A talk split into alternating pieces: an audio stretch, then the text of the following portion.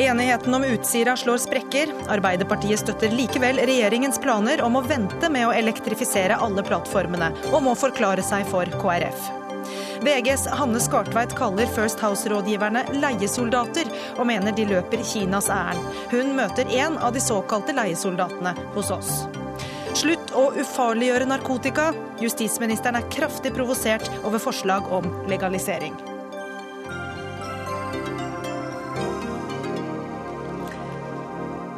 Da ønsker vi vel møtt til Dagsnytt 18. Jeg heter Gry Blekastad Almås. Og først om de tre norske statsborgerne som ble arrestert i dag tidlig. PST mistenker dem for å ha deltatt i eller å ha støttet en ytterliggående jihadistgruppe i Syria. Og reporter Olav Døvik, du har fulgt denne saken eh, i dag. Hva er det PST mener de tre har gjort? PST mener at eh, to av disse personene har vært eh, i Syria og kjempet for eh, det de mener da er en terrorgruppe. Det er en gruppe som heter ISIL, og som tidligere har vært knyttet til Al Qaida. Og så mener de at alle disse tre var i ferd med å reise ned igjen for å kjempe da videre i borgerkrigen i Syria. Hvem er disse tre? Det er tre menn i 20-årene, og alle har eh, hatt tilknytning til eh, det ekstreme islamistmiljøet på Østlandet, som vi kan kalle det. Eh, og de har vel da alle tre blitt mer radikale og mer ekstreme i holdningene sine i de siste årene. De to som har vært i Syria og kjempet før, har, skal ha vært der ganske lenge og kom hjem tilbake til Norge da i fjor høst. Og Nå var de også mistenkt for å ha planlagt å reise til Syria. Men er det også mistanker om at de har planlagt noen form for terroraksjoner eh, eller andre handlinger i Norge? De er ikke siktet for det nå, men eh, Politiets sikkerhetstjeneste har overvåket dem i en periode. og Politiets sikkerhetstjenestes jobb er jo å hindre terror i Norge, så da kan man gå ut fra at PST har hatt en frykt for at eh, de også kunne utføre noe her. Og de skrev jo også i sin pressemelding at eh, de mener at det at disse er knyttet til en slik ekstrem gruppe, gjør at de også utgjør en fare for Norge og Norges allierte. Og Hva sier de tre til siktelsen i dag? Alle tre nekter eh, straffskyld etter det de er siktet for nå. Takk skal du ha, Olav Døvik. Eh, to av de tre var eh, altså brødre og født i det tidligere Jugoslavia. En tredje bror ble drept i Syria tidligere i år, og NRK har snakket med faren deres. Og han sier i dag at han er lettet over at sønnene nå er pågrepet. Det var, det var kjempebra som de er stoppa. Jeg vil ikke miste de to sønnene som, som, som jeg hadde nå, da. Og jeg vil ikke, jeg vil ikke miste de to som, som har mista én. Da har vi med oss Sylo Taraku, du er generalsekretær i eh, organisasjonen LIM, altså Likestilling, integrering og mangfold, eh, som jobber med å fremme innvandrernes deltakelse i det norske samfunnet. Og du kjenner denne familien det her er snakk om. Hva kan du si om den? Det er en familie som kom til Norge som flyktninger fra det tidligere Jugoslavia, tidlig på 90-tallet. Var utgangspunktet en muslimsk familie, men sønnene som har vokst opp her, blitt dypt religiøse. Jeg er redd vi må avbryte, uh, Sylo, fordi det er rett og slett uh, så dårlig telefonlinje. Men vi prøver å kontakte deg på en annen linje, og mens vi gjør det, uh, så vil jeg spørre deg, Lars Gule. Du er forsker ved Høgskolen i Oslo og Akershus om denne organisasjonen som disse tre eh, skal ha hatt, ifølge PST, en tilknytning til ISIL. Hva slags organisasjon er det? Det er en ekstremt eh, islamistisk eh, organisasjon. Oppsto i Irak etter den amerikanske invasjonen i 2003. Har hatt litt ulike navn. Sluttet seg til Al Qaida men brukte så brutale metoder i Irak eh, at det kom advarsler fra Al Qaidas sentrale ledelse eh, som ba dem om å slutte med å bruke disse brutale metodene. Det var angrep på sjiamuslimer, det var gisseltaking, det var henrettelse, det var skjære hodene av folk som ble lagt ut på videoer osv. Disse brutale metodene har denne grupperingen fortsatt å bruke idet de har utvidet sitt eh, aktivitetsområde til også å omfatte Syria, hvor de har kommet inn i forbindelse med borgerkrigen i Syria etter 2011. Slik at eh, deres målsetting er ikke bare jeg har nær sagt eh, nesten ikke å bekjempe Bashar al-Assads regime, slik den øvrige opposisjonen i Syria gjør, men det er å etablere et islamsk kalifat. Eh, sikre territoriell kontroll og eh, der etablere et sharia. Et meget strengt konservativt sharia-styre, slik de tolker sharia. Eh, og dette har ført altså til eh, grove overgrep. Det har vært eh, tortur, det har vært offentlige pisking, offentlige henrettelser. Det har vært pengeutpressing. Det er også underliggende kriminell aktivitet i en del av det de driver med for å finansiere sin virksomhet. Og hvordan kommer norske unge mennesker i kontakt med dette miljøet? Det er fordi at denne grupperingen er av de aller ivrigste til å rekruttere fremmedkrigere. De har faktisk et mindretall av syriske borgere som slåss i Syria. Det er et flertall av utlendinger fra den øvrige arabiske verden. Men også regner man med om lag 2000 fra Europa, muslimer fra Europa, som slåss sammen med ISIL i Syria. Vi prøver Sylo Taraku eh, nok en gang. Eh, hva kan du si om denne familien, eh, som altså eh, består av én eh, sønn som er drept i Syria, og to som i dag er pågrepet av PST? Ja, Det er en familie som kom til Norge som flyktninger fra det tidlige Jugoslavia, tidlig på 90-tallet. Eh, og som i utgangspunktet var en sekulær muslimsk familie. Men der sønnene som har vokst opp her, har blitt dypt religiøse og blitt en del av det radikale muslimske miljøet på Bærum. Og dette til foreldrenes store fortvilelse. Hva er, hva er, det som gjør at, uh, tror du da, at ISIL og, og, den miljøet rundt det på en måte veier tyngre enn da foreldrenes fortvilelse for disse guttene? Ja, det er fordi de identifiserer seg med ISIL og ideologien de forfekter. Eh, det er en følelse av urettferdighet som muslimer blir utsatt for, og, en slags kall om å kjempe på vegne av muslimske brødre og for å innføre den islamistiske ideologien. Det er mange ekstremister som deler drømmen om et muslimsk islamsk kalifat. Gule, vi hører her at uh, de har opprinnelse i tidligere Jugoslavia. Uh, er det uh, et naturlig sted å rekruttere fra i, i denne sammenhengen for ISIL? Nei, i og for seg ikke. Verken mer eller mindre naturlig enn andre steder. ISIL tar imot de rekruttene de kan få fra hele den muslimske verden. Og også fra muslimer i Nord-Amerika og, og, i Norge. Jeg tror det, det Sylo Taraku her sier om at denne opplevelsen av urettferdighet, eh, som da henger sammen med den internasjonale verdenssituasjonen, er en viktig drivkraft. Altså Overgrepsbildene fra Syria er veldig sterke, og så kommer da denne islamistiske ideologien og presenterer en forklaring og et svar på hva man kan gjøre. Eh, og det har stor appell eh, hos enkelte. Heldigvis ikke noe, langt ifra noe flertall. Vi snakker om enkeltpersoner. Men kombinasjonen av et svar på dette, denne brennende uretten som man eh, kan observere, eh, gir denne appellen for enkelte. Taraku, du er med oss på telefon fordi du er i Kosovo, der du har deltatt på en internasjonal konferanse om forholdet mellom stat og religion, der også dette, altså økt radikalisering, har vært tema. Hvor stort er problemet? Eh, problemet er stort med tanke på at mange europeiske land er berørt av Syriakrigen. Eh, I den forstand at flere jihadister, Lars Gule nevnte 2000, eh, har reist fra Europa dit, og, noen av dem kan utgjøre en reell fare ved retur. Så problemet må tas på alvor. Hvordan forholder denne konferansen seg til problematikken?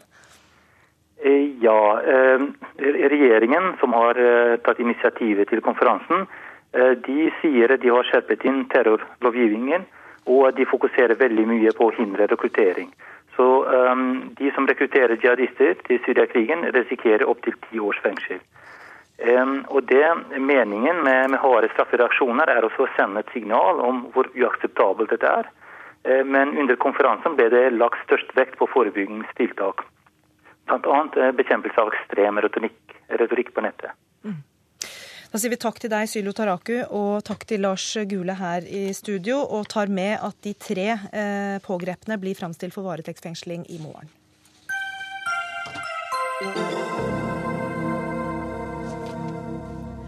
For eh, bare en og en halv uke siden sto en samlet opposisjon på Stortinget sammen om det som ble kalt en historisk seier for eh, klimaet. At alle plattformene på Utsirahøyden eh, skal få kraft fra land. Nå slår enigheten sprekker. Arbeiderpartiet støtter nemlig regjeringen i at ikke alle plattformene behøver å få elektrifisering fra land fra første dag. Det provoserer deg, stortingsrepresentant for Kristelig Folkeparti Kjell Ingolf Ropstad. Hvorfor det?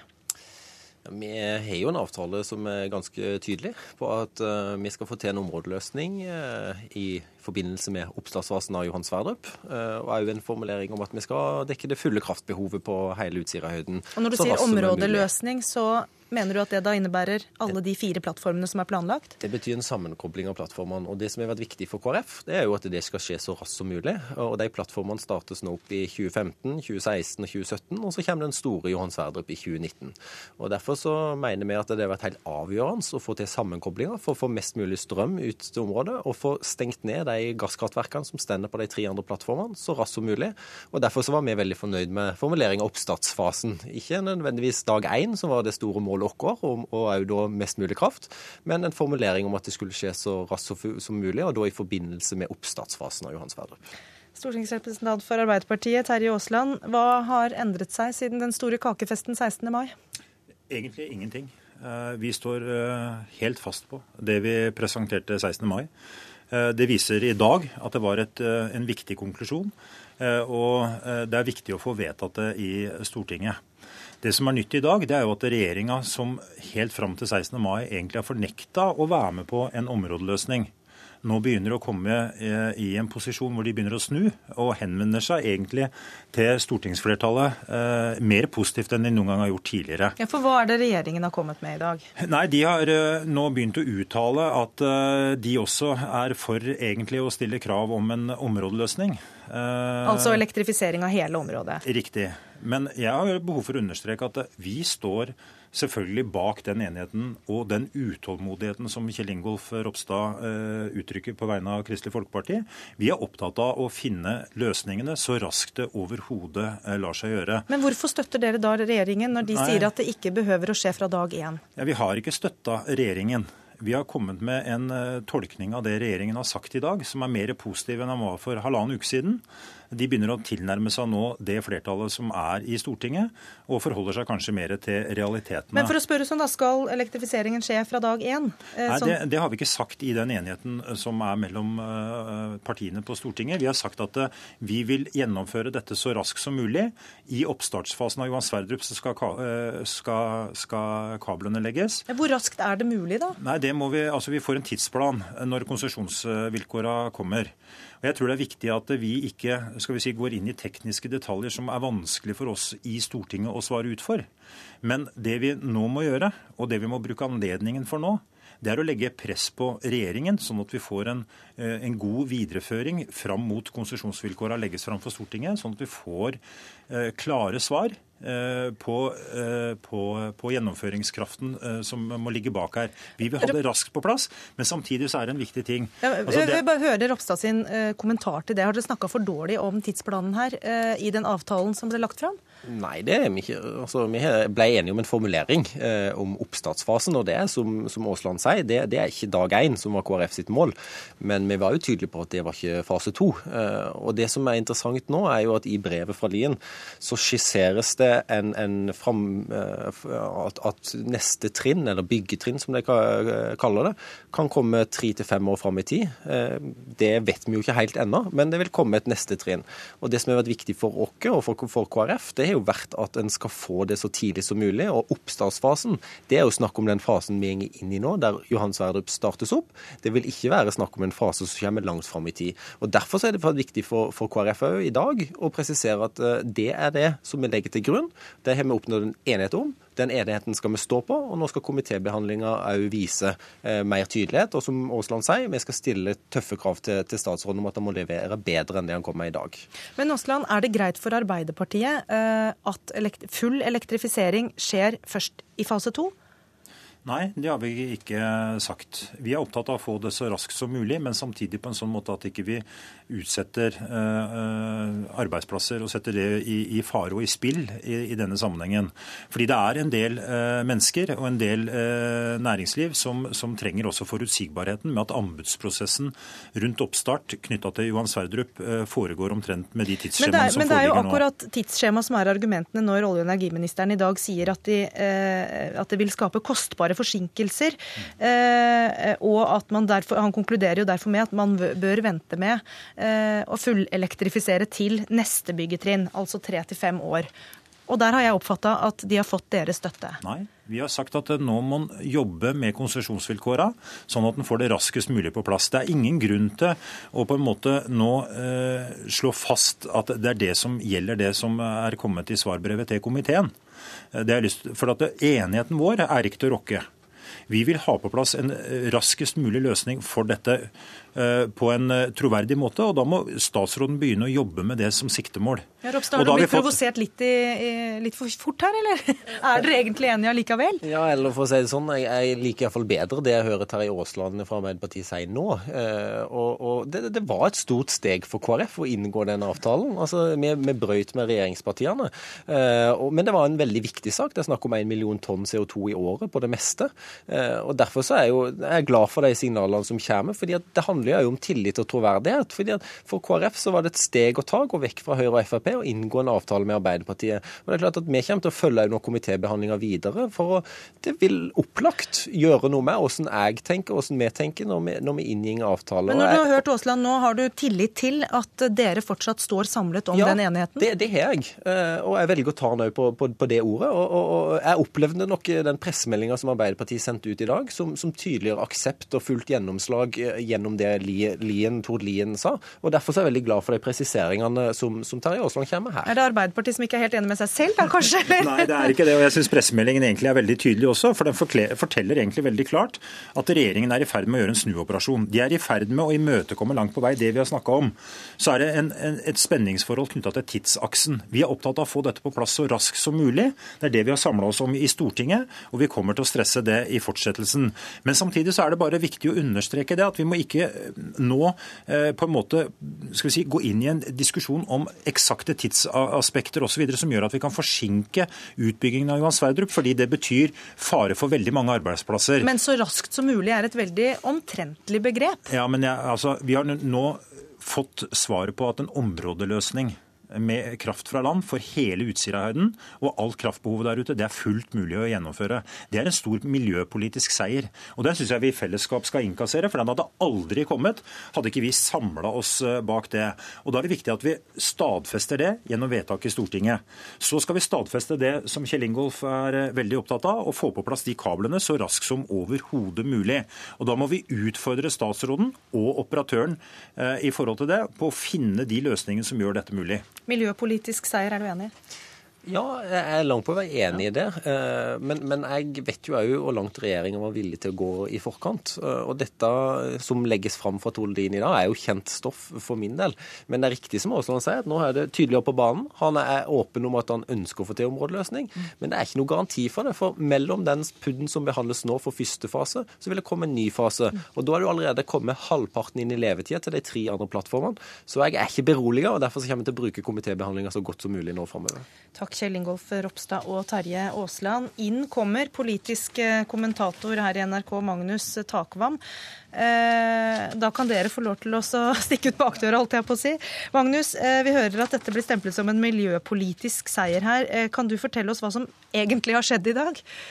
Nei, nå, Det som var utgangspunktet for saken i dag, var jo et brev fra olje- og energiminister Tord Lien. Uh, i et svar til Stortinget om eh, eventuell eh, utbygging av eh, full elektrifisering på Utsira ville føre til utsettelse av prosjektet eller ikke.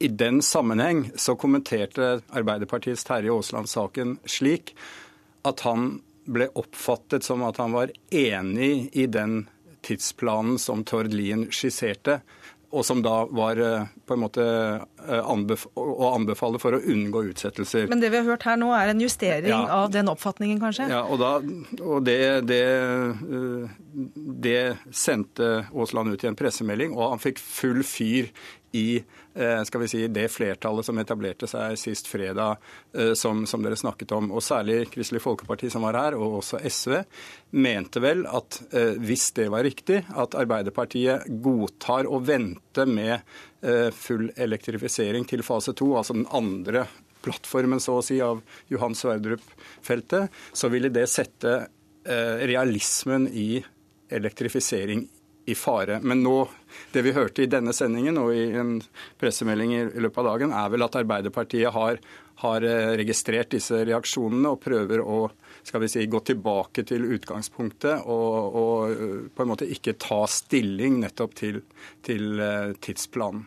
Men øh vi hører Kristelig Folkeparti hissa seg opp i eh, først, men hvorfor er ikke Venstre f.eks. da like eh, kritiske til eh, det man trodde da var en støtte til Tord Lien? Nei, altså Slik jeg oppfatter det, så, så, mener Venstre at det store skal vi si, paradigmeskiftet i denne saken er at de har fått etablert et flertall for eh, elektrifisering. Et prinsipielt flertall i Stortinget for elektrifisering av hele Utsirahøyden.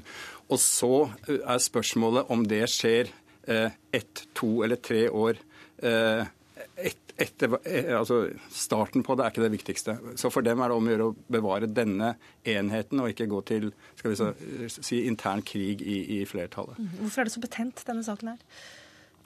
Blant annet KrF mener jo, eh, hvis eh, Arbeiderpartiet da ender opp med å skal vi si, velge den eh, fase to, en, en langsommere utbygging av elektrifiseringsprosjektet. Hvis de gjør det, så mener de at de er blitt brukt politisk av Arbeiderpartiet til å legitimere deres miljøpolitikk. Og Arbeiderpartiet har jo en, en strategi nå med å framstå som mer miljøvennlig. Og KrF mener at i så fall ville de kunne oppnådd like mye med Høyre og Frp miljøpolitisk. Da sier vi takk til Magnus Takvam. Hør Dagsnytt 18 når du vil. Radio NRK NRK.no.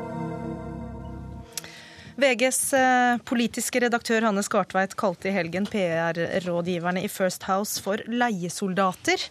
PR-byrået har valgt Kinas side i konflikten med Norge, skriver du, eh, Hanne Skartveit. Eh, hvorfor kaller du dem leiesoldater? De gjør jo et oppdrag for de som betaler best. Dette er folk som tidligere har tjent Norges interesser som FN-ambassadører, statssekretærer osv. Og, så og nå de, selger de sine rådgivningstjenester til næringslivet. Men soldater assosieres jo med krig? Ja, her, I denne konkrete saken eh, så er det jo Morten Wetland som har skrevet en eh, kronikk eh, som i realiteten undergraver Torbjørn Jaglands eh, verv som leder i Nobelkomiteen, i en tid da det å undergrave den i min verden er det samme som å på en måte ønske å gjøre knefall for Kina. Og Det er i den sammenhengen jeg setter det. Jan Erik Larsen, du er eh, en av disse leiesoldatene, da, seniorrådgiver i eh, First House. Du mener at Skartveit her ikke har forstått hvilken rolle eh, First House spiller. Hva er det VG ikke har forstått? Ja, jeg tror jo det er et problem faktisk for den norske beslutningsprosessen, for debatten i Norge, at ikke bare VG, men svært mange medier ikke forstår næringslivet eller man fortolker næringslivet ut ifra den politiske debattens premisser. Og man blander sammen det som er eh, legal og legitim møtevirksomhet, det blander man sammen med konspirasjoner og hemmelighold. Eh, jeg har vært redaktør i mange år sjøl. Jeg har jobba med norsk næringsliv. I First House så har vi eh, i løpet av de siste fire-fem årene hatt jeg tipper, rundt 10 000 møter med norsk næringsliv. Og Noe av det som går igjen, er en dyp frustrasjon over den perspektivforskyvninga som skjer når eh, norske medier skal rapportere fra norsk næringsliv. Hva er det jo, smått, konkret hva er det VG og, og media ikke har forstått? Og det, som er viktig, er jo viktig. Man, man, forstår ikke på hvilke premisser norsk næringsliv jobber. Man skjønner, den, man skjønner ikke næringslivets logikk. Og i den helt konkrete saken som vi diskuterer nå, så er man interessert i mange sider ved Kina, og mange av dem er veldig viktige. Den norske Kina-debatten har jo flere spor. Det ene er demokrati- eller menneskerettighetsaspektet, som er svært viktig, og det mener jeg kommer veldig godt fram i debatten, og det blir ikke minst understreka gjennom Nobelprisen. Eh, så er det en eh, side som handler om at eh, man i Kina har sett forbedringer på noen områder. Det er noen som er opptatt av det. Det kommer kanskje ikke fullt så godt fram. Og så er det den siste sida som denne konkrete saken handler om, nemlig at norsk næringsliv blir kraftig ramma av Kinas boikott av Norge.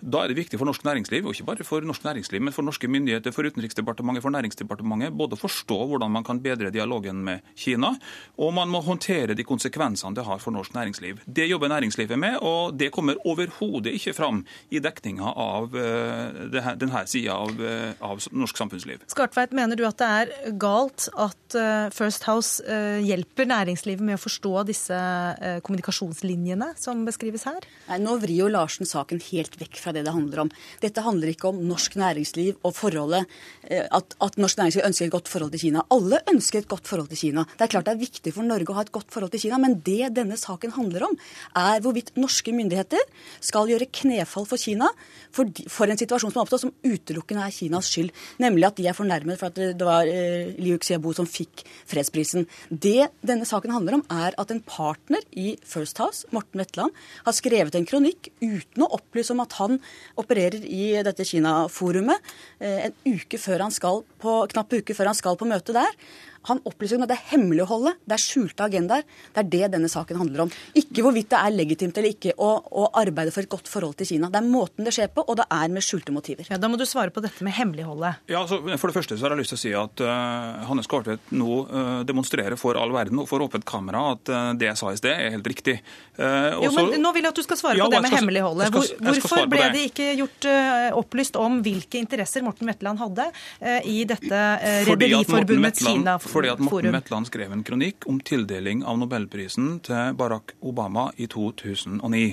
Leo Choba fikk eh, fredsprisen i 2010. Jo, men Det har... handler om Torbjørn Jagland som nobelleder for Nobelkomiteen, som har gjort begge utnevnelser. Men det handler om en helt annen nobelpris, og det handler om en annen viktig debatt. Men hvordan var det skada om han hadde spilt med åpne kort når han hadde skrevet denne kronikken om Obama? Morten Wetland skrev for det første en kronikk som handla om noe helt annet enn Kina. Det var det ene. Og for det andre, han hadde ikke noe skjult kundeforhold å offentliggjøre. Eh, vi har gitt norsk næringsliv eh, råd om hvordan de skal forholde seg til de store problemene som skapes av den kinesiske boikotten. Vi har overhodet ikke, slik Aftenposten skrev, deltatt i noen svertekampanje mot Torbjørn Jagland, vært betalt av Kina eller kinesiske myndigheter. Og vi gjør ikke, som Hanne Skartvedt her sier, deltar i en kampanje for å få norske myndigheter til å eh, gjøre knefall for Kina. Hvorfor opplever du at det er hemmelighold og lukkede forum her? ikke skjønner hva næringslivet er opptatt av. Jeg skrev ikke at de deltar i en kampanje. Jeg skrev at, at uh, First House med sin opptreden har valgt side. Eh, det er klart det, det, er jo ganske grovt å si at vi har valgt en fremmed makts side mot norske interesser. Det er så grovt at det faktisk fortjener en beklagelse. Dessuten er det alvorlig fordi at det nok en gang bare viser hvordan den norske Kina-debatten ikke blir komplett og fullstendig. Man får ikke fram alle de viktige perspektivene, og folk i næringslivet tør ikke å ta ordet fordi at man blir enten stempla som Kina-klakør, eller så blir man stempla som udemokratisk. Og slik er ikke virkeligheten. Hvordan mener du at de har tatt kinesernes side? Eh, her hører vi at de jobber for norsk næringsliv næringsliv, og ikke for Det mener jeg er åpenbart. Eh, det som, det, oppspillet her er jo Erna Solberg og regjeringens håndtering av Dalai Lama-saken, hvor de gjorde et dypt knefall. Fryktelig ille eh, for Norge og for Men Det kan ikke vi stå til ansvar for. Nei, men, men i det klimaet som ble skapt da, så vil det å undergrave Torbjørn Jagland som leder i Nobelkomiteen være det samme som å be om et nytt knefall. Men, La meg snakke ferdig. Ja, men, Alle vet at Kina hvis dersom Jagland blir kastet som leder for Nobelkomiteen, han som ga denne fredsprisen, så vil Kina oppleve det som en gest fra Norge. Og så skriver altså Morten Wetland, tidligere FN-ambassadør, akkurat nå en eh, kronikk hvor han argumenterer for ikke eh, kinesiske prisen, men prisen til Barack Obama, som bidrar ytterligere til å latterliggjøre Jagland. Og uansett hva man mener om Torbjørn Jagland som leder for Nobelkomiteen, så er timingen nå slik at den som argumenterer mot ham, faktisk tar Kinas side. Hvorfor valgte din kollega Vetland å, å, å, gjøre dette nå? Ja, da har jeg lyst til å si Er det helt tilfeldig? Det er nesten fornærmende at noen, og inklusive Hanne Skartveit, mener at vi er så dum at vi tar betalt for å skrive kronikker på vegne av kunder. Eller at vi er så dum at vi tror at ingen oppdager det hvis vi driver en kampanje betalt av kinesiske myndigheter for å sverte Nobelkomiteen og Torbjørn Jagland, og samtidig skrive kronikker om det. Men var det tilfeldig at denne kronikken kom akkurat ja, nå, i det bakteppet? Tilfeldig, fordi at Morten Wetland er et engasjert samfunnsmenneske. Men hvordan skal vi stole på det, at det var tilfeldig? Du får ta meg på mitt ord. Eh, og eh, hvis ikke det er godt nok, så blir jeg egentlig eh, maktesløs. Jeg kan ikke gjøre noe annet enn å si på vegne av meg sjøl, mitt firma og på vegne av hele norsk næringsliv. Norsk næringsliv er ikke engasjert i å drive noen svertekampanje mot noen som helst. Norsk næringsliv er opptatt av å håndtere konsekvensene boikotten fra Kina har for næringslivet, for arbeidsplasser, for grunnlaget for verdiskapning og arbeidsplasser. Det er det helt legitimt å jobbe med, og vi bistår dem i det arbeidet. Det har bl.a. vært et problem å få godt nok fram hvordan boikotten har ramma. Det har ikke norske medier vært spesielt interessert i. VG har ikke vært spesielt interessert i det. Og da har næringslivet kommet til oss og spurt hvorfor er det sånn, og hva kan vi gjøre med det. Vi har forsøkt å hjelpe dem så de kan få det fram, ikke minst overfor norske politiske myndigheter. For det første, jeg har ikke sagt at han har tatt betalt for å skrive en kronikk. Jeg har skrevet at jeg tror Vetland har gjort dette for å blidgjøre eller for å blidgjøre kineserne, og for å på en måte komme i dette, dette Kina-forumet hvor man snakket om denne kronikken i Kina-forum. Punkt to. Jeg har ikke skrevet at man er betalt av kinesiske myndigheter. Nei, men det Punkt har tre. Harald Stanghelle gjort. Punkt, jeg er ikke Harald Stanghelle. Punkt tre. Forholdet mellom Norge og Kina handler aller mest om politikk, om utenrikspolitikk, om hvorvidt Norge skal bøye eh, kne for et diktatur, for et samfunn hvor menneskerettighetene er overhodet ikke respektert, hvor de fengsler dissidenter. Det. Det er det det handler mest av alt om. Men men Nå er det ti sekunder Ja, igjen av vår tilmålte tid, så du får bruke viser- dem kjapt. Det her viser bare at det jeg sa innledningsvis, og det vi skrev i kronikken i VG i dag, stemmer. Man legger en politisk målestokk på det næringslivet driver med. Det foregår tusenvis av møter i norsk næringsliv hver eneste dag uten at VG eller pressen er invitert. De er verken hemmelige eller konspiratorisk. Mange av de møtene foregår også i VG eller i Skipsted, som eier VG. Ingen forventer at pressen skal være til stede. Det er ikke hemmelig, det er ikke konspiratorisk. Det er helt legitimt. Slik må det fortsette. Vetland har skrevet en kronikk uten å redegjøre for hvem han har som kunder. Det Han er feil. Der må vi sette strek. Takk skal eh, Hanne Skartveit og Jan Erik Larsen ha.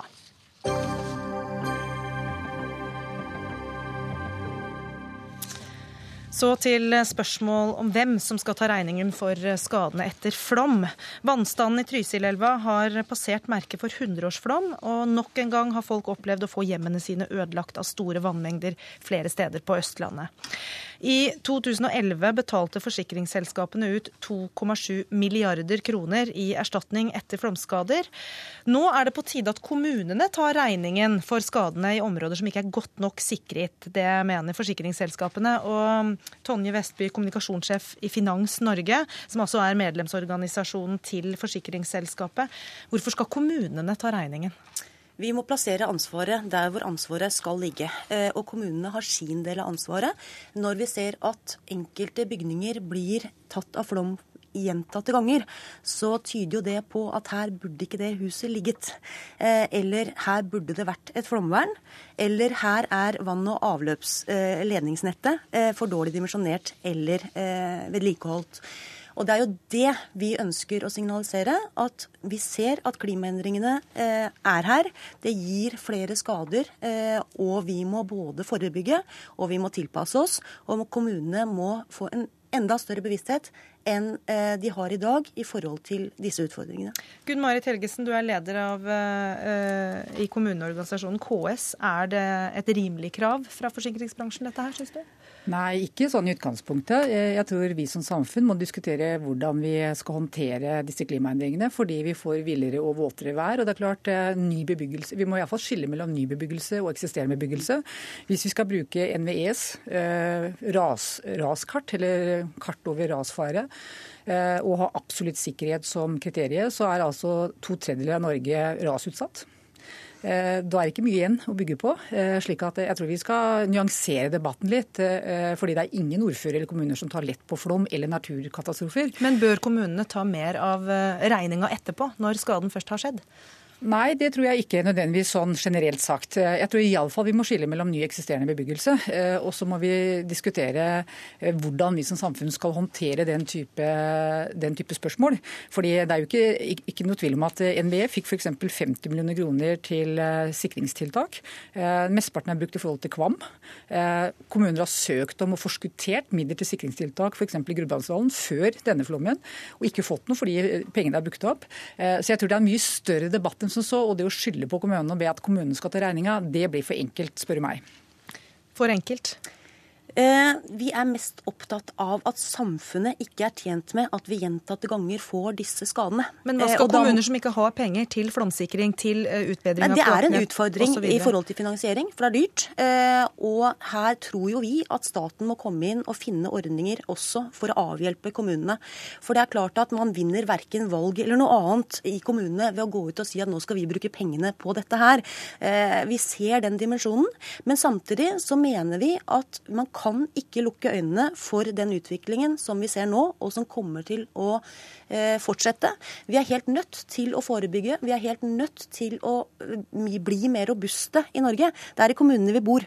Eh, og det er ikke hyggelig for innbyggere å få vann i kjelleren i huset sitt gang etter gang. Men er det ikke nettopp forsikringsselskapenes ansvar Eh, erstatte ting som blir ødelagt? Er det ikke det vi har forsikringsselskapet for? Jo, og det er det vi gjør. Eh, sånn at kundene får erstatningsoppgjøret sitt. Ikke sant? Og vi har, Det er egentlig sånn todelt problemstilling dette her. Det ene er naturskadene og flom i dette tilfellet, som nå er veldig aktuelt. Og der har vi en lovpålagt naturskadeforsikringsordning eh, hvor premien er lik for alle i hele Norge. Og du forholder deg til ditt eget forsikringsselskap, du får en takst og du får et oppgjør. Så er det disse vannskadene de vanlige vannskadene som kommer av veldig kraftig nedbør, og hvor vannet ikke finner noen naturlig vei å renne fordi at det er for mange hus som er bygd, eller fordi at vann- og avløpsnettet er for dårlig dimensjonert eller vedlikeholdt. Og Det er særlig i de siste tilfellene at det er naturlig med regress mot kommunen. Regress er altså tilbakebetaling. Eh, fordi at de, vi ser at eh, de burde gjort en bedre jobb i forhold til vann- og avløpsnettet. Og når du sier at eh, det kan være grunn til å skille på ny og gammel bebyggelse, er det da en innrømmelse av at en del kommuner bygger ufornuftig? Jeg tror nok at vi eh, må diskutere også eh, mer aktsomhet fra kommunene når man tillater bygging på nye boligfelt dersom man vet at her er det stor risiko for ras eller naturskader. Men Skjer det i utstrakt grad? Jeg tror at veldig mange blir mer og mer bevisst på det. Men så må vi også huske på at eh, vi, kunnskapen utvikles, og vi får mer eh, ny kunnskap som gjør at det vi vet nå, det visste vi kanskje ikke for ti år siden når vi la nye boligfelt. og det er derfor jeg sier at Hvis man generelt snakker om erstatningskrav som følge av naturkatastrofer, eh, fordi kommunen skulle da eventuelt ha vært uaktsomt, så godtar jeg ikke det. Da får vi i hvert fall starte med å si at det er kriteriet nå, fra nå. Da må man i hvert fall starte med at nå er et nytt system. Hvis dere nå håndterer denne, dette spørsmålet på en uh, uaktsom måte, uh, så vil det kunne få noe noen konsekvenser. Men jeg har inntrykk av at noe av det finansnæringen eller forsikringsselskapene snakker om, er jo rett og slett eh, vann, vannskader som følge av, eh, av, at vi får våtere vær, og at eh, vann og avløp ikke er dimensjonert for så mye nedbør. Og da er det også Det er på en måte et annet forhold, så jeg tror vi skal på en måte skille debatten og nyansere det litt, og så sette eh, riktige tiltak inn. Det har du helt rett i. Men det Gjensidige og If har gått ut og sagt i dag, det er jo at dette også kan bli aktuelt når det gjelder naturskader. Fordi at det viser seg jo også når det gjelder flom, at det er eh, gjentatte skader på de samme bygningene. Og det er jo et bevis det, på at eh, her har ikke kommunen tatt nok hensyn. Eh, fordi at enten burde det vært flom, eh, et flomvern der, eller man burde bygd opp hus igjen på et annet sted. Og så er utfordringen at gjennom naturskålordningen så får du jo ikke erstattet verdien på tomta. Du får bygningen og innboet, men ikke verdien på tomta. Og dermed er det vanskeligere å finne seg en ny tomt da og bygge et nytt hus et annet sted? Da må den som har fått vann i kjelleren, eh, kjøpe en ny tomt for egne penger et annet sted. Ikke sant? Og det er jo der eh, vi har en en kjempeutfordring. I Kvam kommune i fjor så løste jo kommunen det med å gi erstatningstomter. Eh, Kvam har for øvrig gjort en kjempebra jobb og tatt eh, lærdom av den flommen de hadde i fjor. Men Helgesen, er det ikke rimelig at også kommuner som da ikke tar forebyggingen eh, nok på alvor, bidrar til å betale regninga i etterkant? Ja, det er da jeg sier at da får vi diskutere litt nye kriterier som følge av eh, holdt på å si, værendringer og klimatilpasninger. Ja, hvilke kriterier kan det være snakk om da? Ja, men Det er jo det er, så, det er på veldig mange nivåer her. og Det ene med vann og avløp kan være bare en tilbakeslagslås som på en måte er en enkelt tiltak, istedenfor at man må grave opp hele vann- og avløpsnettet. for Vi snakker om 500 milliarder hvis alt nett skulle vært eh, fornya som følge av eh, at man kanskje burde bytta det ut. Så at det er enorme beløp som samfunn sånn at jeg tror, må, jeg tror, vi må, nyansere debatten og kanskje starte med eventuelt nye kriterier da, for ny bebyggelse. Men Da starter dere den dialogen nå, da? Vi har en god dialog, vi altså. Det er veldig bra. Det er bra. Takk skal dere ha, Gunn Marit Helgesen og Tonje Vestby.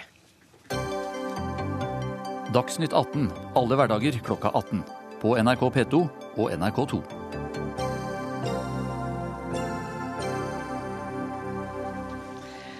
Flere tar nå til orde for å legalisere cannabis og ber staten regulere salg og distribusjon av hasj og marihuana. Justisminister Anders Anundsen derimot er kraftig provosert av det han kaller en debatt som ufarliggjør bruken av cannabis. Anita Nyholt, eh, du er talsperson for Folkeaksjonen lovlige utsalgssteder for hasj og marihuana. Eh, og I et innlegg i VG i dag så skriver du at justisministeren har misforstått debatten. Ja, med Forklar. det så mener jeg at det er en avsporing i debatten å diskutere hvor farlig eller ikke cannabis er. Eh, Anundsen som justisminister han burde være mer opptatt av hvor farlig det illegale markedet er. Fordi uansett så blir det jo solgt. Og det er det illegale markedet som i dag eh, får all fortjeneste av dette her. Hvilket problem eh, utgjør det, syns du?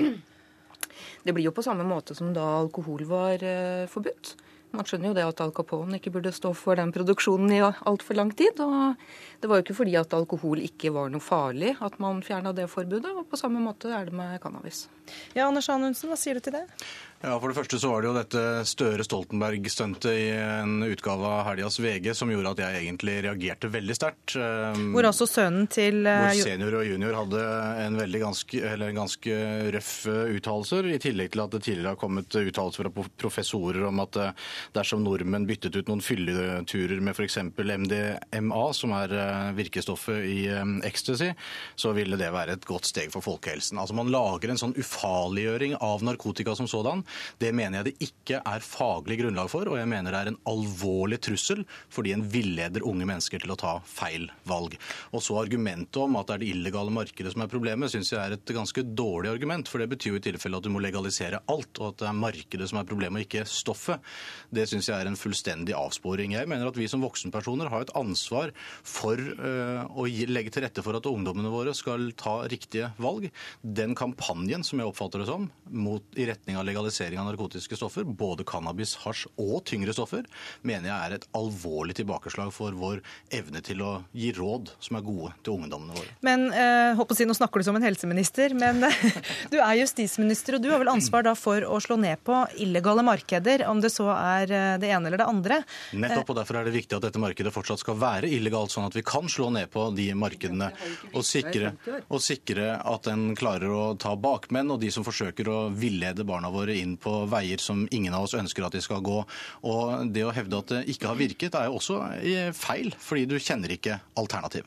Kan ikke du komme litt nærmere mikrofonen, for vi hører deg litt Ja. dårlig. Og så kan du eh, svare da på Anundsens eh, innvendinger her, eh, mot at dette er jo ikke gode signaler å gi Nei, utprøvende men Det er jo ikke ungdommer. med alkohol heller. Det er jo ikke noe sånn at vi sier å, nå må du begynne å, begynne å drikke alkohol, for det er jo ikke noe farlig i det hele tatt. Sånn er det med cannabis også. Og grunnen til at dette her er tatt opp i FN, det er jo ikke fordi at man diskuterer at cannabis ikke har noe skadepotensial, for det har det jo. Altså på lik linje med alkohol og andre rusmidler. Men det er det illegale markedet er farligere enn bruken i seg selv. Det er jo derfor dette blir tatt opp i FN. fordi det er jo ikke bare i Norge dette her har konsekvenser, det har jo konsekvenser utenfor landegrensene også. Eh, Jeg har snakka mye om eh, Mexico. Det er ikke fordi at vi får hasjen eh, importert fra Mexico til Norge, men fordi det er et skrekkeksempel på hva som skjer når mafiaen blir sterkere enn staten. Når de kjøper opp journalister og dommere og alt de kan kjøpe opp. Er altså, sånn, det vil jo skje. altså Man skjønte det med alkohol, og det samme er med cannabis. Men da syns jeg egentlig det er en banalisering å si at dette handler om cannabis, for det handler jo om alle narkotiske stoffer. Nå er jeg Absolutt- for absolutt eh, alle nar- for Jo, men alle narkotiske stoff kan du bruke nøyaktig de argumentene for, så hvorfor skal du bare bruke det for cannabis og Ja, men hasj? de andre. samme Men, men hvorfor er det en prinsipiell er, forskjell på eh, alkohol og, og cannabis, da? For det ene er narkotika, og det andre er ikke narkotika. Vi har hatt Men begge deler kan skade Det er ikke noe tvil om at alkohol kan ha skadepotensial, men det er en rekke studier som understreker at hasj er innfallsporten til alvorligere narkotiske stoffer. Veldig få som i dag bruker heroin som ikke først begynte med hasj. Veldig få som i dag virkelig, har virkelig store rusproblemer som ikke har brukt hasj som innfallsvinkelen til det. Vi vet at det kan ha, store, ha sammenheng med altså langsiktig bruk av eh, hasj og marihuana kan ha langsiktige, store og alvorlige helsevirkninger. Både på, i forhold til psykotiske stoffer, eller psykoser, øh, og og andre. Og Nå er det liksom helseministeren som snakker. Jo, men, det er jo- men, det er men poenget, poenget mitt er er rett og slett at dette handler om holdninger, og hva slags holdninger vi ønsker å gi barna våre. Jeg blir rett og slett eh, jeg kan nesten forbanna når jeg hører at folk sier sånne ting som f.eks. Støre junior eh, sa i denne artikkelen i helga. Fordi det, man bruker på en måte en sånn slags myndighetsposisjon til å si at dette er ikke så farlig, gjør som du vil, ikke hør på hva mora di sier, gjør det du har Nå- lyst til selv. Og det, er, det handler om det store bildet i forhold til hvordan vi skal håndtere narkotika. Og så kan folk mene hva de vil om det, og jeg er opptatt av at vi skal diskutere dette. Men den typen holdninger har en veldig negativ effekt på de sårbare ungdommene Så som er det fint står om vi disse holder oss valgene. til jeg håper å si, de hold- holdningene som Fordi Anita Nyholt er har. Fordi Støre er har ikke anledning til å være her i dag og er ikke til stede for å ikke har skadepotensialet, Selvfølgelig har det det. Men med alkohol så har staten muligheten til å gå inn med aldersgrense og kunnskapsbasert informasjon.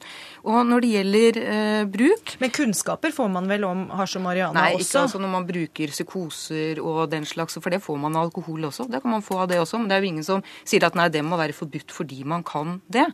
Eh, Så det illegale markedet er farligere enn bruksskadene. Og da vil jeg også si det at eh, myndighetene de bruker jo da eh, selvrapportering om bruk, bruker de som begrunnelse for å opprettholde forbudet, fordi de mener at det er så få som bruker. Det ligger jo til grunn for å opprettholde forbudet. Men da har jeg lyst til å vise til Sirus. Jeg fikk eh, noen tall fra dem i går. Det er fra den siste rapporten eh, som de har med undersøkelser. Og de sier at eh, selvrapportert bruk stemmer ikke nødvendigvis med hva personer faktisk har brukt. Forskning viser at personer har en tendens til å rapportere i retning av det som er sosialt ønskelig. Ulovlige rusmidler blir trolig underrapportert i større grad enn alkohol og tobakk som er lovlige. Så det de sier, det er at det er stor usikkerhet ved denne bruken som man da legger til grunn for at det skal være forbudt. Og det illegale markedet vokser seg større mens vi sitter her og snakker, og til neste år så er det enda større. Og hvor stort skal det illegale markedet bli? Og det er da jeg mener at justisministeren må jo se på, se på disse her tallene. I Danmark så har de klart å, å tallfeste det. Der har de undersøkt. Der sier de at uh, omsetningen der er på over en milliard kroner i året. Vi har ingen sånne tall i Norge, så det burde jo justisministeren se på. Og en annen vi- ting, det er politianalysen, har jeg lyst til å snakke om. Men nå har vi ikke så mye tid, så hvis vi skal få svar, så må vi bare ta dem nå. Justisminister, kan du konsentrere ditt Ja. siste svar nå om hvordan du vil få bukt med det illegale uh, eh, markedet her? Heldigvis så er jeg mer enn justisminister. Jeg er også far, og jeg er borger i dette landet. Jo, men nå ber jeg deg om å svare av- som Og jeg er alltid justisminister også, men jeg er veldig opptatt av at vi skal bekjempe det illegale markedet, og det gjør du ikke ved å legalisere det. For det argumentet kan du da bruke om absolutt alle områder hvor Jo, men det jeg finnes spurte deg, hvordan vil du det markedet til komme Det er to, hoved, det er to hovedretninger, Det er to hovedretninger i det arbeidet. Det ene er forebyggende. Det er helt avgjørende at vi driver forebyggende virksomhet på skolen. At vi opplyser ungdommene våre om hvor galt det kan ende hvis man begynner med hasj eller marihuana. Det er helt avgjørende at vi setter politiet i stand til å drive det forebyggende arbeid, samtidig som vi setter dem i stand til å hindre den alvorlige organiserte kriminaliteten som ligger bak den omsetninga som hasj og marihuana representerer i dag. Takk skal du ha, justisminister Anders Anundsen, og takk også til Anita Nyholt, som altså er talsperson for folkeaksjonen Lovlige utsalgssteder for hasj og marihuana.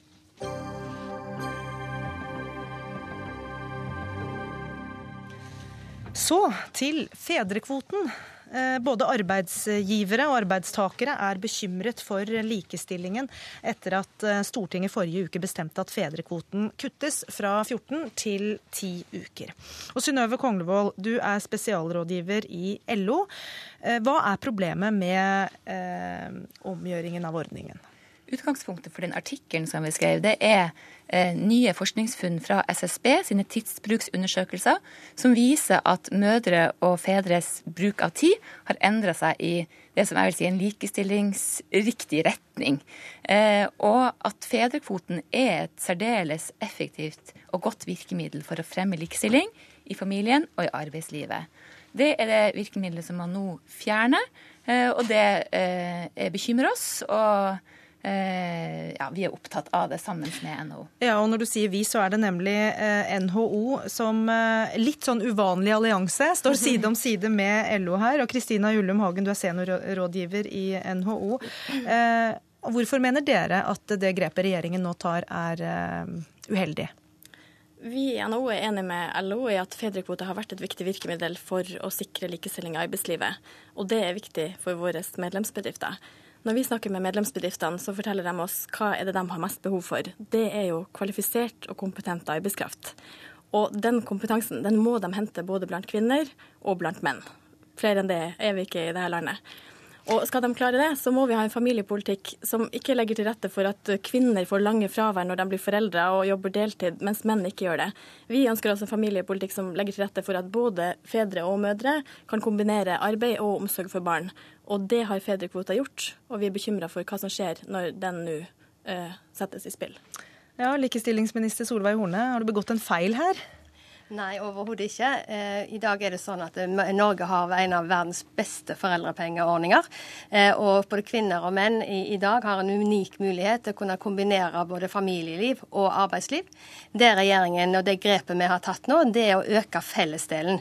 Det vil fremdeles være 49 uker som foreldrene kan ta ut til å ha i permisjon hjemme med sine barn.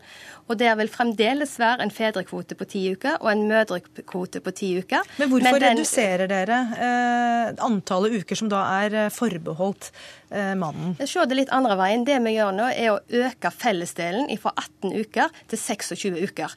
Det vil si at både fedre og mødre i dag kan ta mer uker enn det de hadde før med de 14 ukene. Og Jeg har lyst til å utfordre arbeidsgiverorganisasjonene på det at vi må slutte å nøre opp imot det at, at liksom fedrene i dag må stå framfor arbeidsgiveren og, og, be om å få tatt ut foreldrepermisjon. I dag har både kvinner og menn en unik mulighet til å kunne ta ut fedre, den, både fedre- og mødrekvoten. De har rett til permisjon etter arbeidsmiljøloven.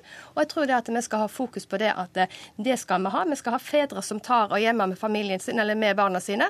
Men vi må òg ta med oss at familiene må sjøl få lov til å få en fleksibilitet og velge da hvordan de vil fordele de 26 ukene som nå blir en økning i fellesdelen. Det var en utfordring til NHO og medlemsbedriftene kanskje først og fremst. Det da, mm. Hagen. Ja, Det virker som vi deler en målsetting om at fedre skal ta lang foreldrepermisjon. Og Da tenker jeg, da kan man like godt gå og bruke det virkemidlet man vet virker best, og det er fedrekvoter. Men hva er galt med å kunne velge selv? Vi har en del erfaringer fra land som har prøvd å fjerne fedrekvote, f.eks. Danmark. Der så man straks effekten på uttaket. Fedre tok da to uker, som var den lille kvota som ble stående igjen etter Danmark fjerna den større kvota.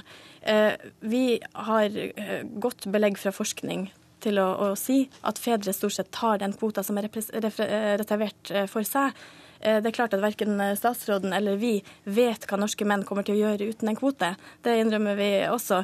Og jeg skulle gjerne hatt eh, all mulig tiltro til norske menn, men det vi vet fra forskning gir grunn til å tro at fedre vil ta vesentlig kortere permisjon uten den kvota. Det som bekymrer meg her, det er når NHO sitter her og på en måte sier og nører opp under de holdningene at det er så vanskelig for menn til å ta ut permisjon i dag. Altså Både menn og kvinner i dag har altså en mulighet i forhold til eh, arbeidsmiljøloven til å ta ut foreldrepermisjon foreldrepermisjon. Og jeg vil oppfordre både kvinner og menn nå når de har en større andel av uker, for det er altså den økte fellesdelen de nå kan velge. Og fedre kan ta opp til både 14 uker, 16 uker, 18 uker hvis de vil det. Men dette her, og det som er viktig her for denne regjeringen, det er at vi politikere ikke skal sette oss inn og blande oss inn i den fordelingen, men at familien sjøl, nå med den økte fellesdelen, kan sitte hjemme på kjøkkenbordet og finne ut hva er det som er best for sin familie. Ja, burde, ikke, burde ikke folk eh, sjøl kunne bestemme innad i en familie hvem som bør ta ut uh, permisjonen sin når? Det vi har sett er at ettersom fedrekvoten har blitt bygd ut, så har fedres uttak fulgt kvoten eh, veldig systematisk. Sånn at fedre har hatt muligheten til å velge både 16, og 18 og 20 uker før det, men det er et veldig lite mindretall som gjør det. Det er, altså det er få områder tror jeg, som er så godt forskningsmessig belegg for som at Fedrekvoten har effekt. Den har effekt på likelønn, den har effekt på arbeidsdeling i familien. Eh, og den har også det som økonomer kaller for en smitteeffekt. Altså at eh, det at når flere fedre, når dine kollegaer tar ut fedrekvote, så øker sjansen for at du sjøl gjør det samme.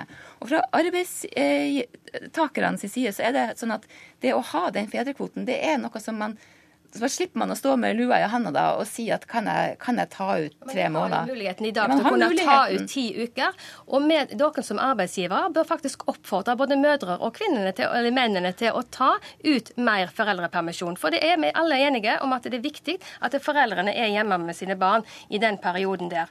Og så må vi huske på det at vi må ha en fleksibilitet for de familiene som kanskje ikke klarer å innrette seg etter de kvotene som politikerne har bestemt. Og det var de verdiene som var viktige for denne regjeringen regjeringen i samarbeid med KrF og Venstre, det var å gi familiene en valgfrihet, en fleksibilitet, sånn at barna òg kan få muligheten til å være litt lenger hjemme med en av foreldrene. For mange foreldre de ser det at når barna da er for små til å få plass i barnehage, så må de altså finne andre løsninger for familien. Og ved å øke den fellesdelen nå, så kan altså fedrene velge å være lenger hjemme, og mødrene kan være hjemme lenger. Men det er ikke alltid at mødre og fedre er enige, da. Det kan jo være mødre som veldig gjerne grabber til seg så mye permisjon ja, som da... de kan få, og så står mannen igjen og sier ja ja, OK da, ja, selv om han har lyst. Den diskusjonen den skal de få lov til å ta hjemme på kjøkkenbenken, men jeg har lyst til å oppfordre igjen og utfordre arbeidslivet sine parter. Slutt å nøre opp og under at det er vanskelig for menn å ta foreldrepermisjon. Foreldre, fedrene kan altså fra 1. juli i år òg ta 14 uker hvis de vil det, og de kan ta flere uker hvis de blir enige med det. La oss høre svarene på den utfordringen igjen da, Kongle, uh, unnskyld, Julium Hagen først. Ja. Jeg tenker Det første vi må gjøre, er å slutte å gjenta denne fortellinga om foreldrepermisjonen som en tvangstrøye som er full av kvoter. Sannheten er jo at dagens foreldrepermisjonsordning er veldig fleksibel. Man kan ta ut foreldrepermisjon helt til barnet er tre år. Man kan ta det gradert hvis man vil. Er man en uunnværlig sjef, om det er kvinne eller mann, så har man mulighet til å ta permisjon to eller tre dager i uka og jobbe resten. Det finnes gode muligheter for fleksibilitet, og de aller fleste norske familier lever veldig godt med den ordninga her. Og så er det de positive gevinstene som vi ser av ikke bare fedrekvoter, men også den store barnehageutbygginga vi hadde det siste tiåret. Vi har i det tiåret som har gått, sett kvinneandelen blant ledere øke kraftig. Vi har sett at stadig flere småbarnsmødre jobber heltid. Som Konglevold sier, ser vi at stadig flere fedre tar mer ansvar på hjemmebane. Dette er jo en, en villa politisk utvikling eller eh, hva jo, tenker statsråden nei, det, om det? Er det en, stats, en ja. utvikling som også du ønsker velkommen? Jeg, som jeg sa i begynnelsen, så har altså Norge en av verdens beste foreldrepengeordning. Eh, og både kvinner og menn og familiene i dag har en unik mulighet til å kombinere arbeidsliv og du familieliv. Du er enig i at disse effektene er gode effekter? Ja, og hadde det ikke vært for Fremskrittspartiet som var med og fikk på plass den gode barnehageutbyggingen, som gjør muligheten for både familiene i dag til å kombinere arbeidsliv og familieliv. Men det er altså Jeg bare skal slippe til Kongevold, for tida går litt fort nå. Jeg har bare et spørsmål til statsråden. da. Det er på en måte, er du enig, eller er du uenig i at fedrekvoten økt fedrekvote gjør at flere fedre er lenger hjemme med barna sine? Jeg ser det at den fedrekvoten har vært med til å gjort at du har fått en mye status for at fedrene også skal kunne være hjemme med små barn. Og det er viktig at vi òg tenker videre når vi tenker på det likestilt foreldreskap. Men for meg er det òg viktig at familiene sjøl klarer å få en fleksibilitet og en valgfrihet til å kunne bestemme hvordan de vil innordne og fordele disse ukene deres. Og den valgfriheten det har vært viktige verdier for denne regjeringen å få innført. Jeg vil bare vise til en av disse forskerne som eh, Veldig, veldig kjapt. Ja, poeng, det er, som forskeren sa, det å gi, eh, fjerne fedrekvoten gir ikke nødvendigvis mer valgfrihet, men det gir dårligere insentiver for fedre til å ta ut permisjon. Det er fremdeles fedrekvote, og det er mødrekvote, men det er en økt fellesdel som nå blir Eh, fra 1.7. Jeg tror vi må sette strek der hvis vi skal komme i mål med dette programmet. Tusen takk til eh, Solveig Horne, likestillingsminister, Kristina Jullum Hagen fra NHO og Synnøve Konglevold fra LO. Det var eh, kveldens Dagsnytt 18. Ansvarlig for sendingen var Ida Tune Øritsland. Teknisk ansvarlig Lars Tronsmoen. Og i studio ønsker Gry Blekastad Almås på gjensyn og på gjenhør i morgen.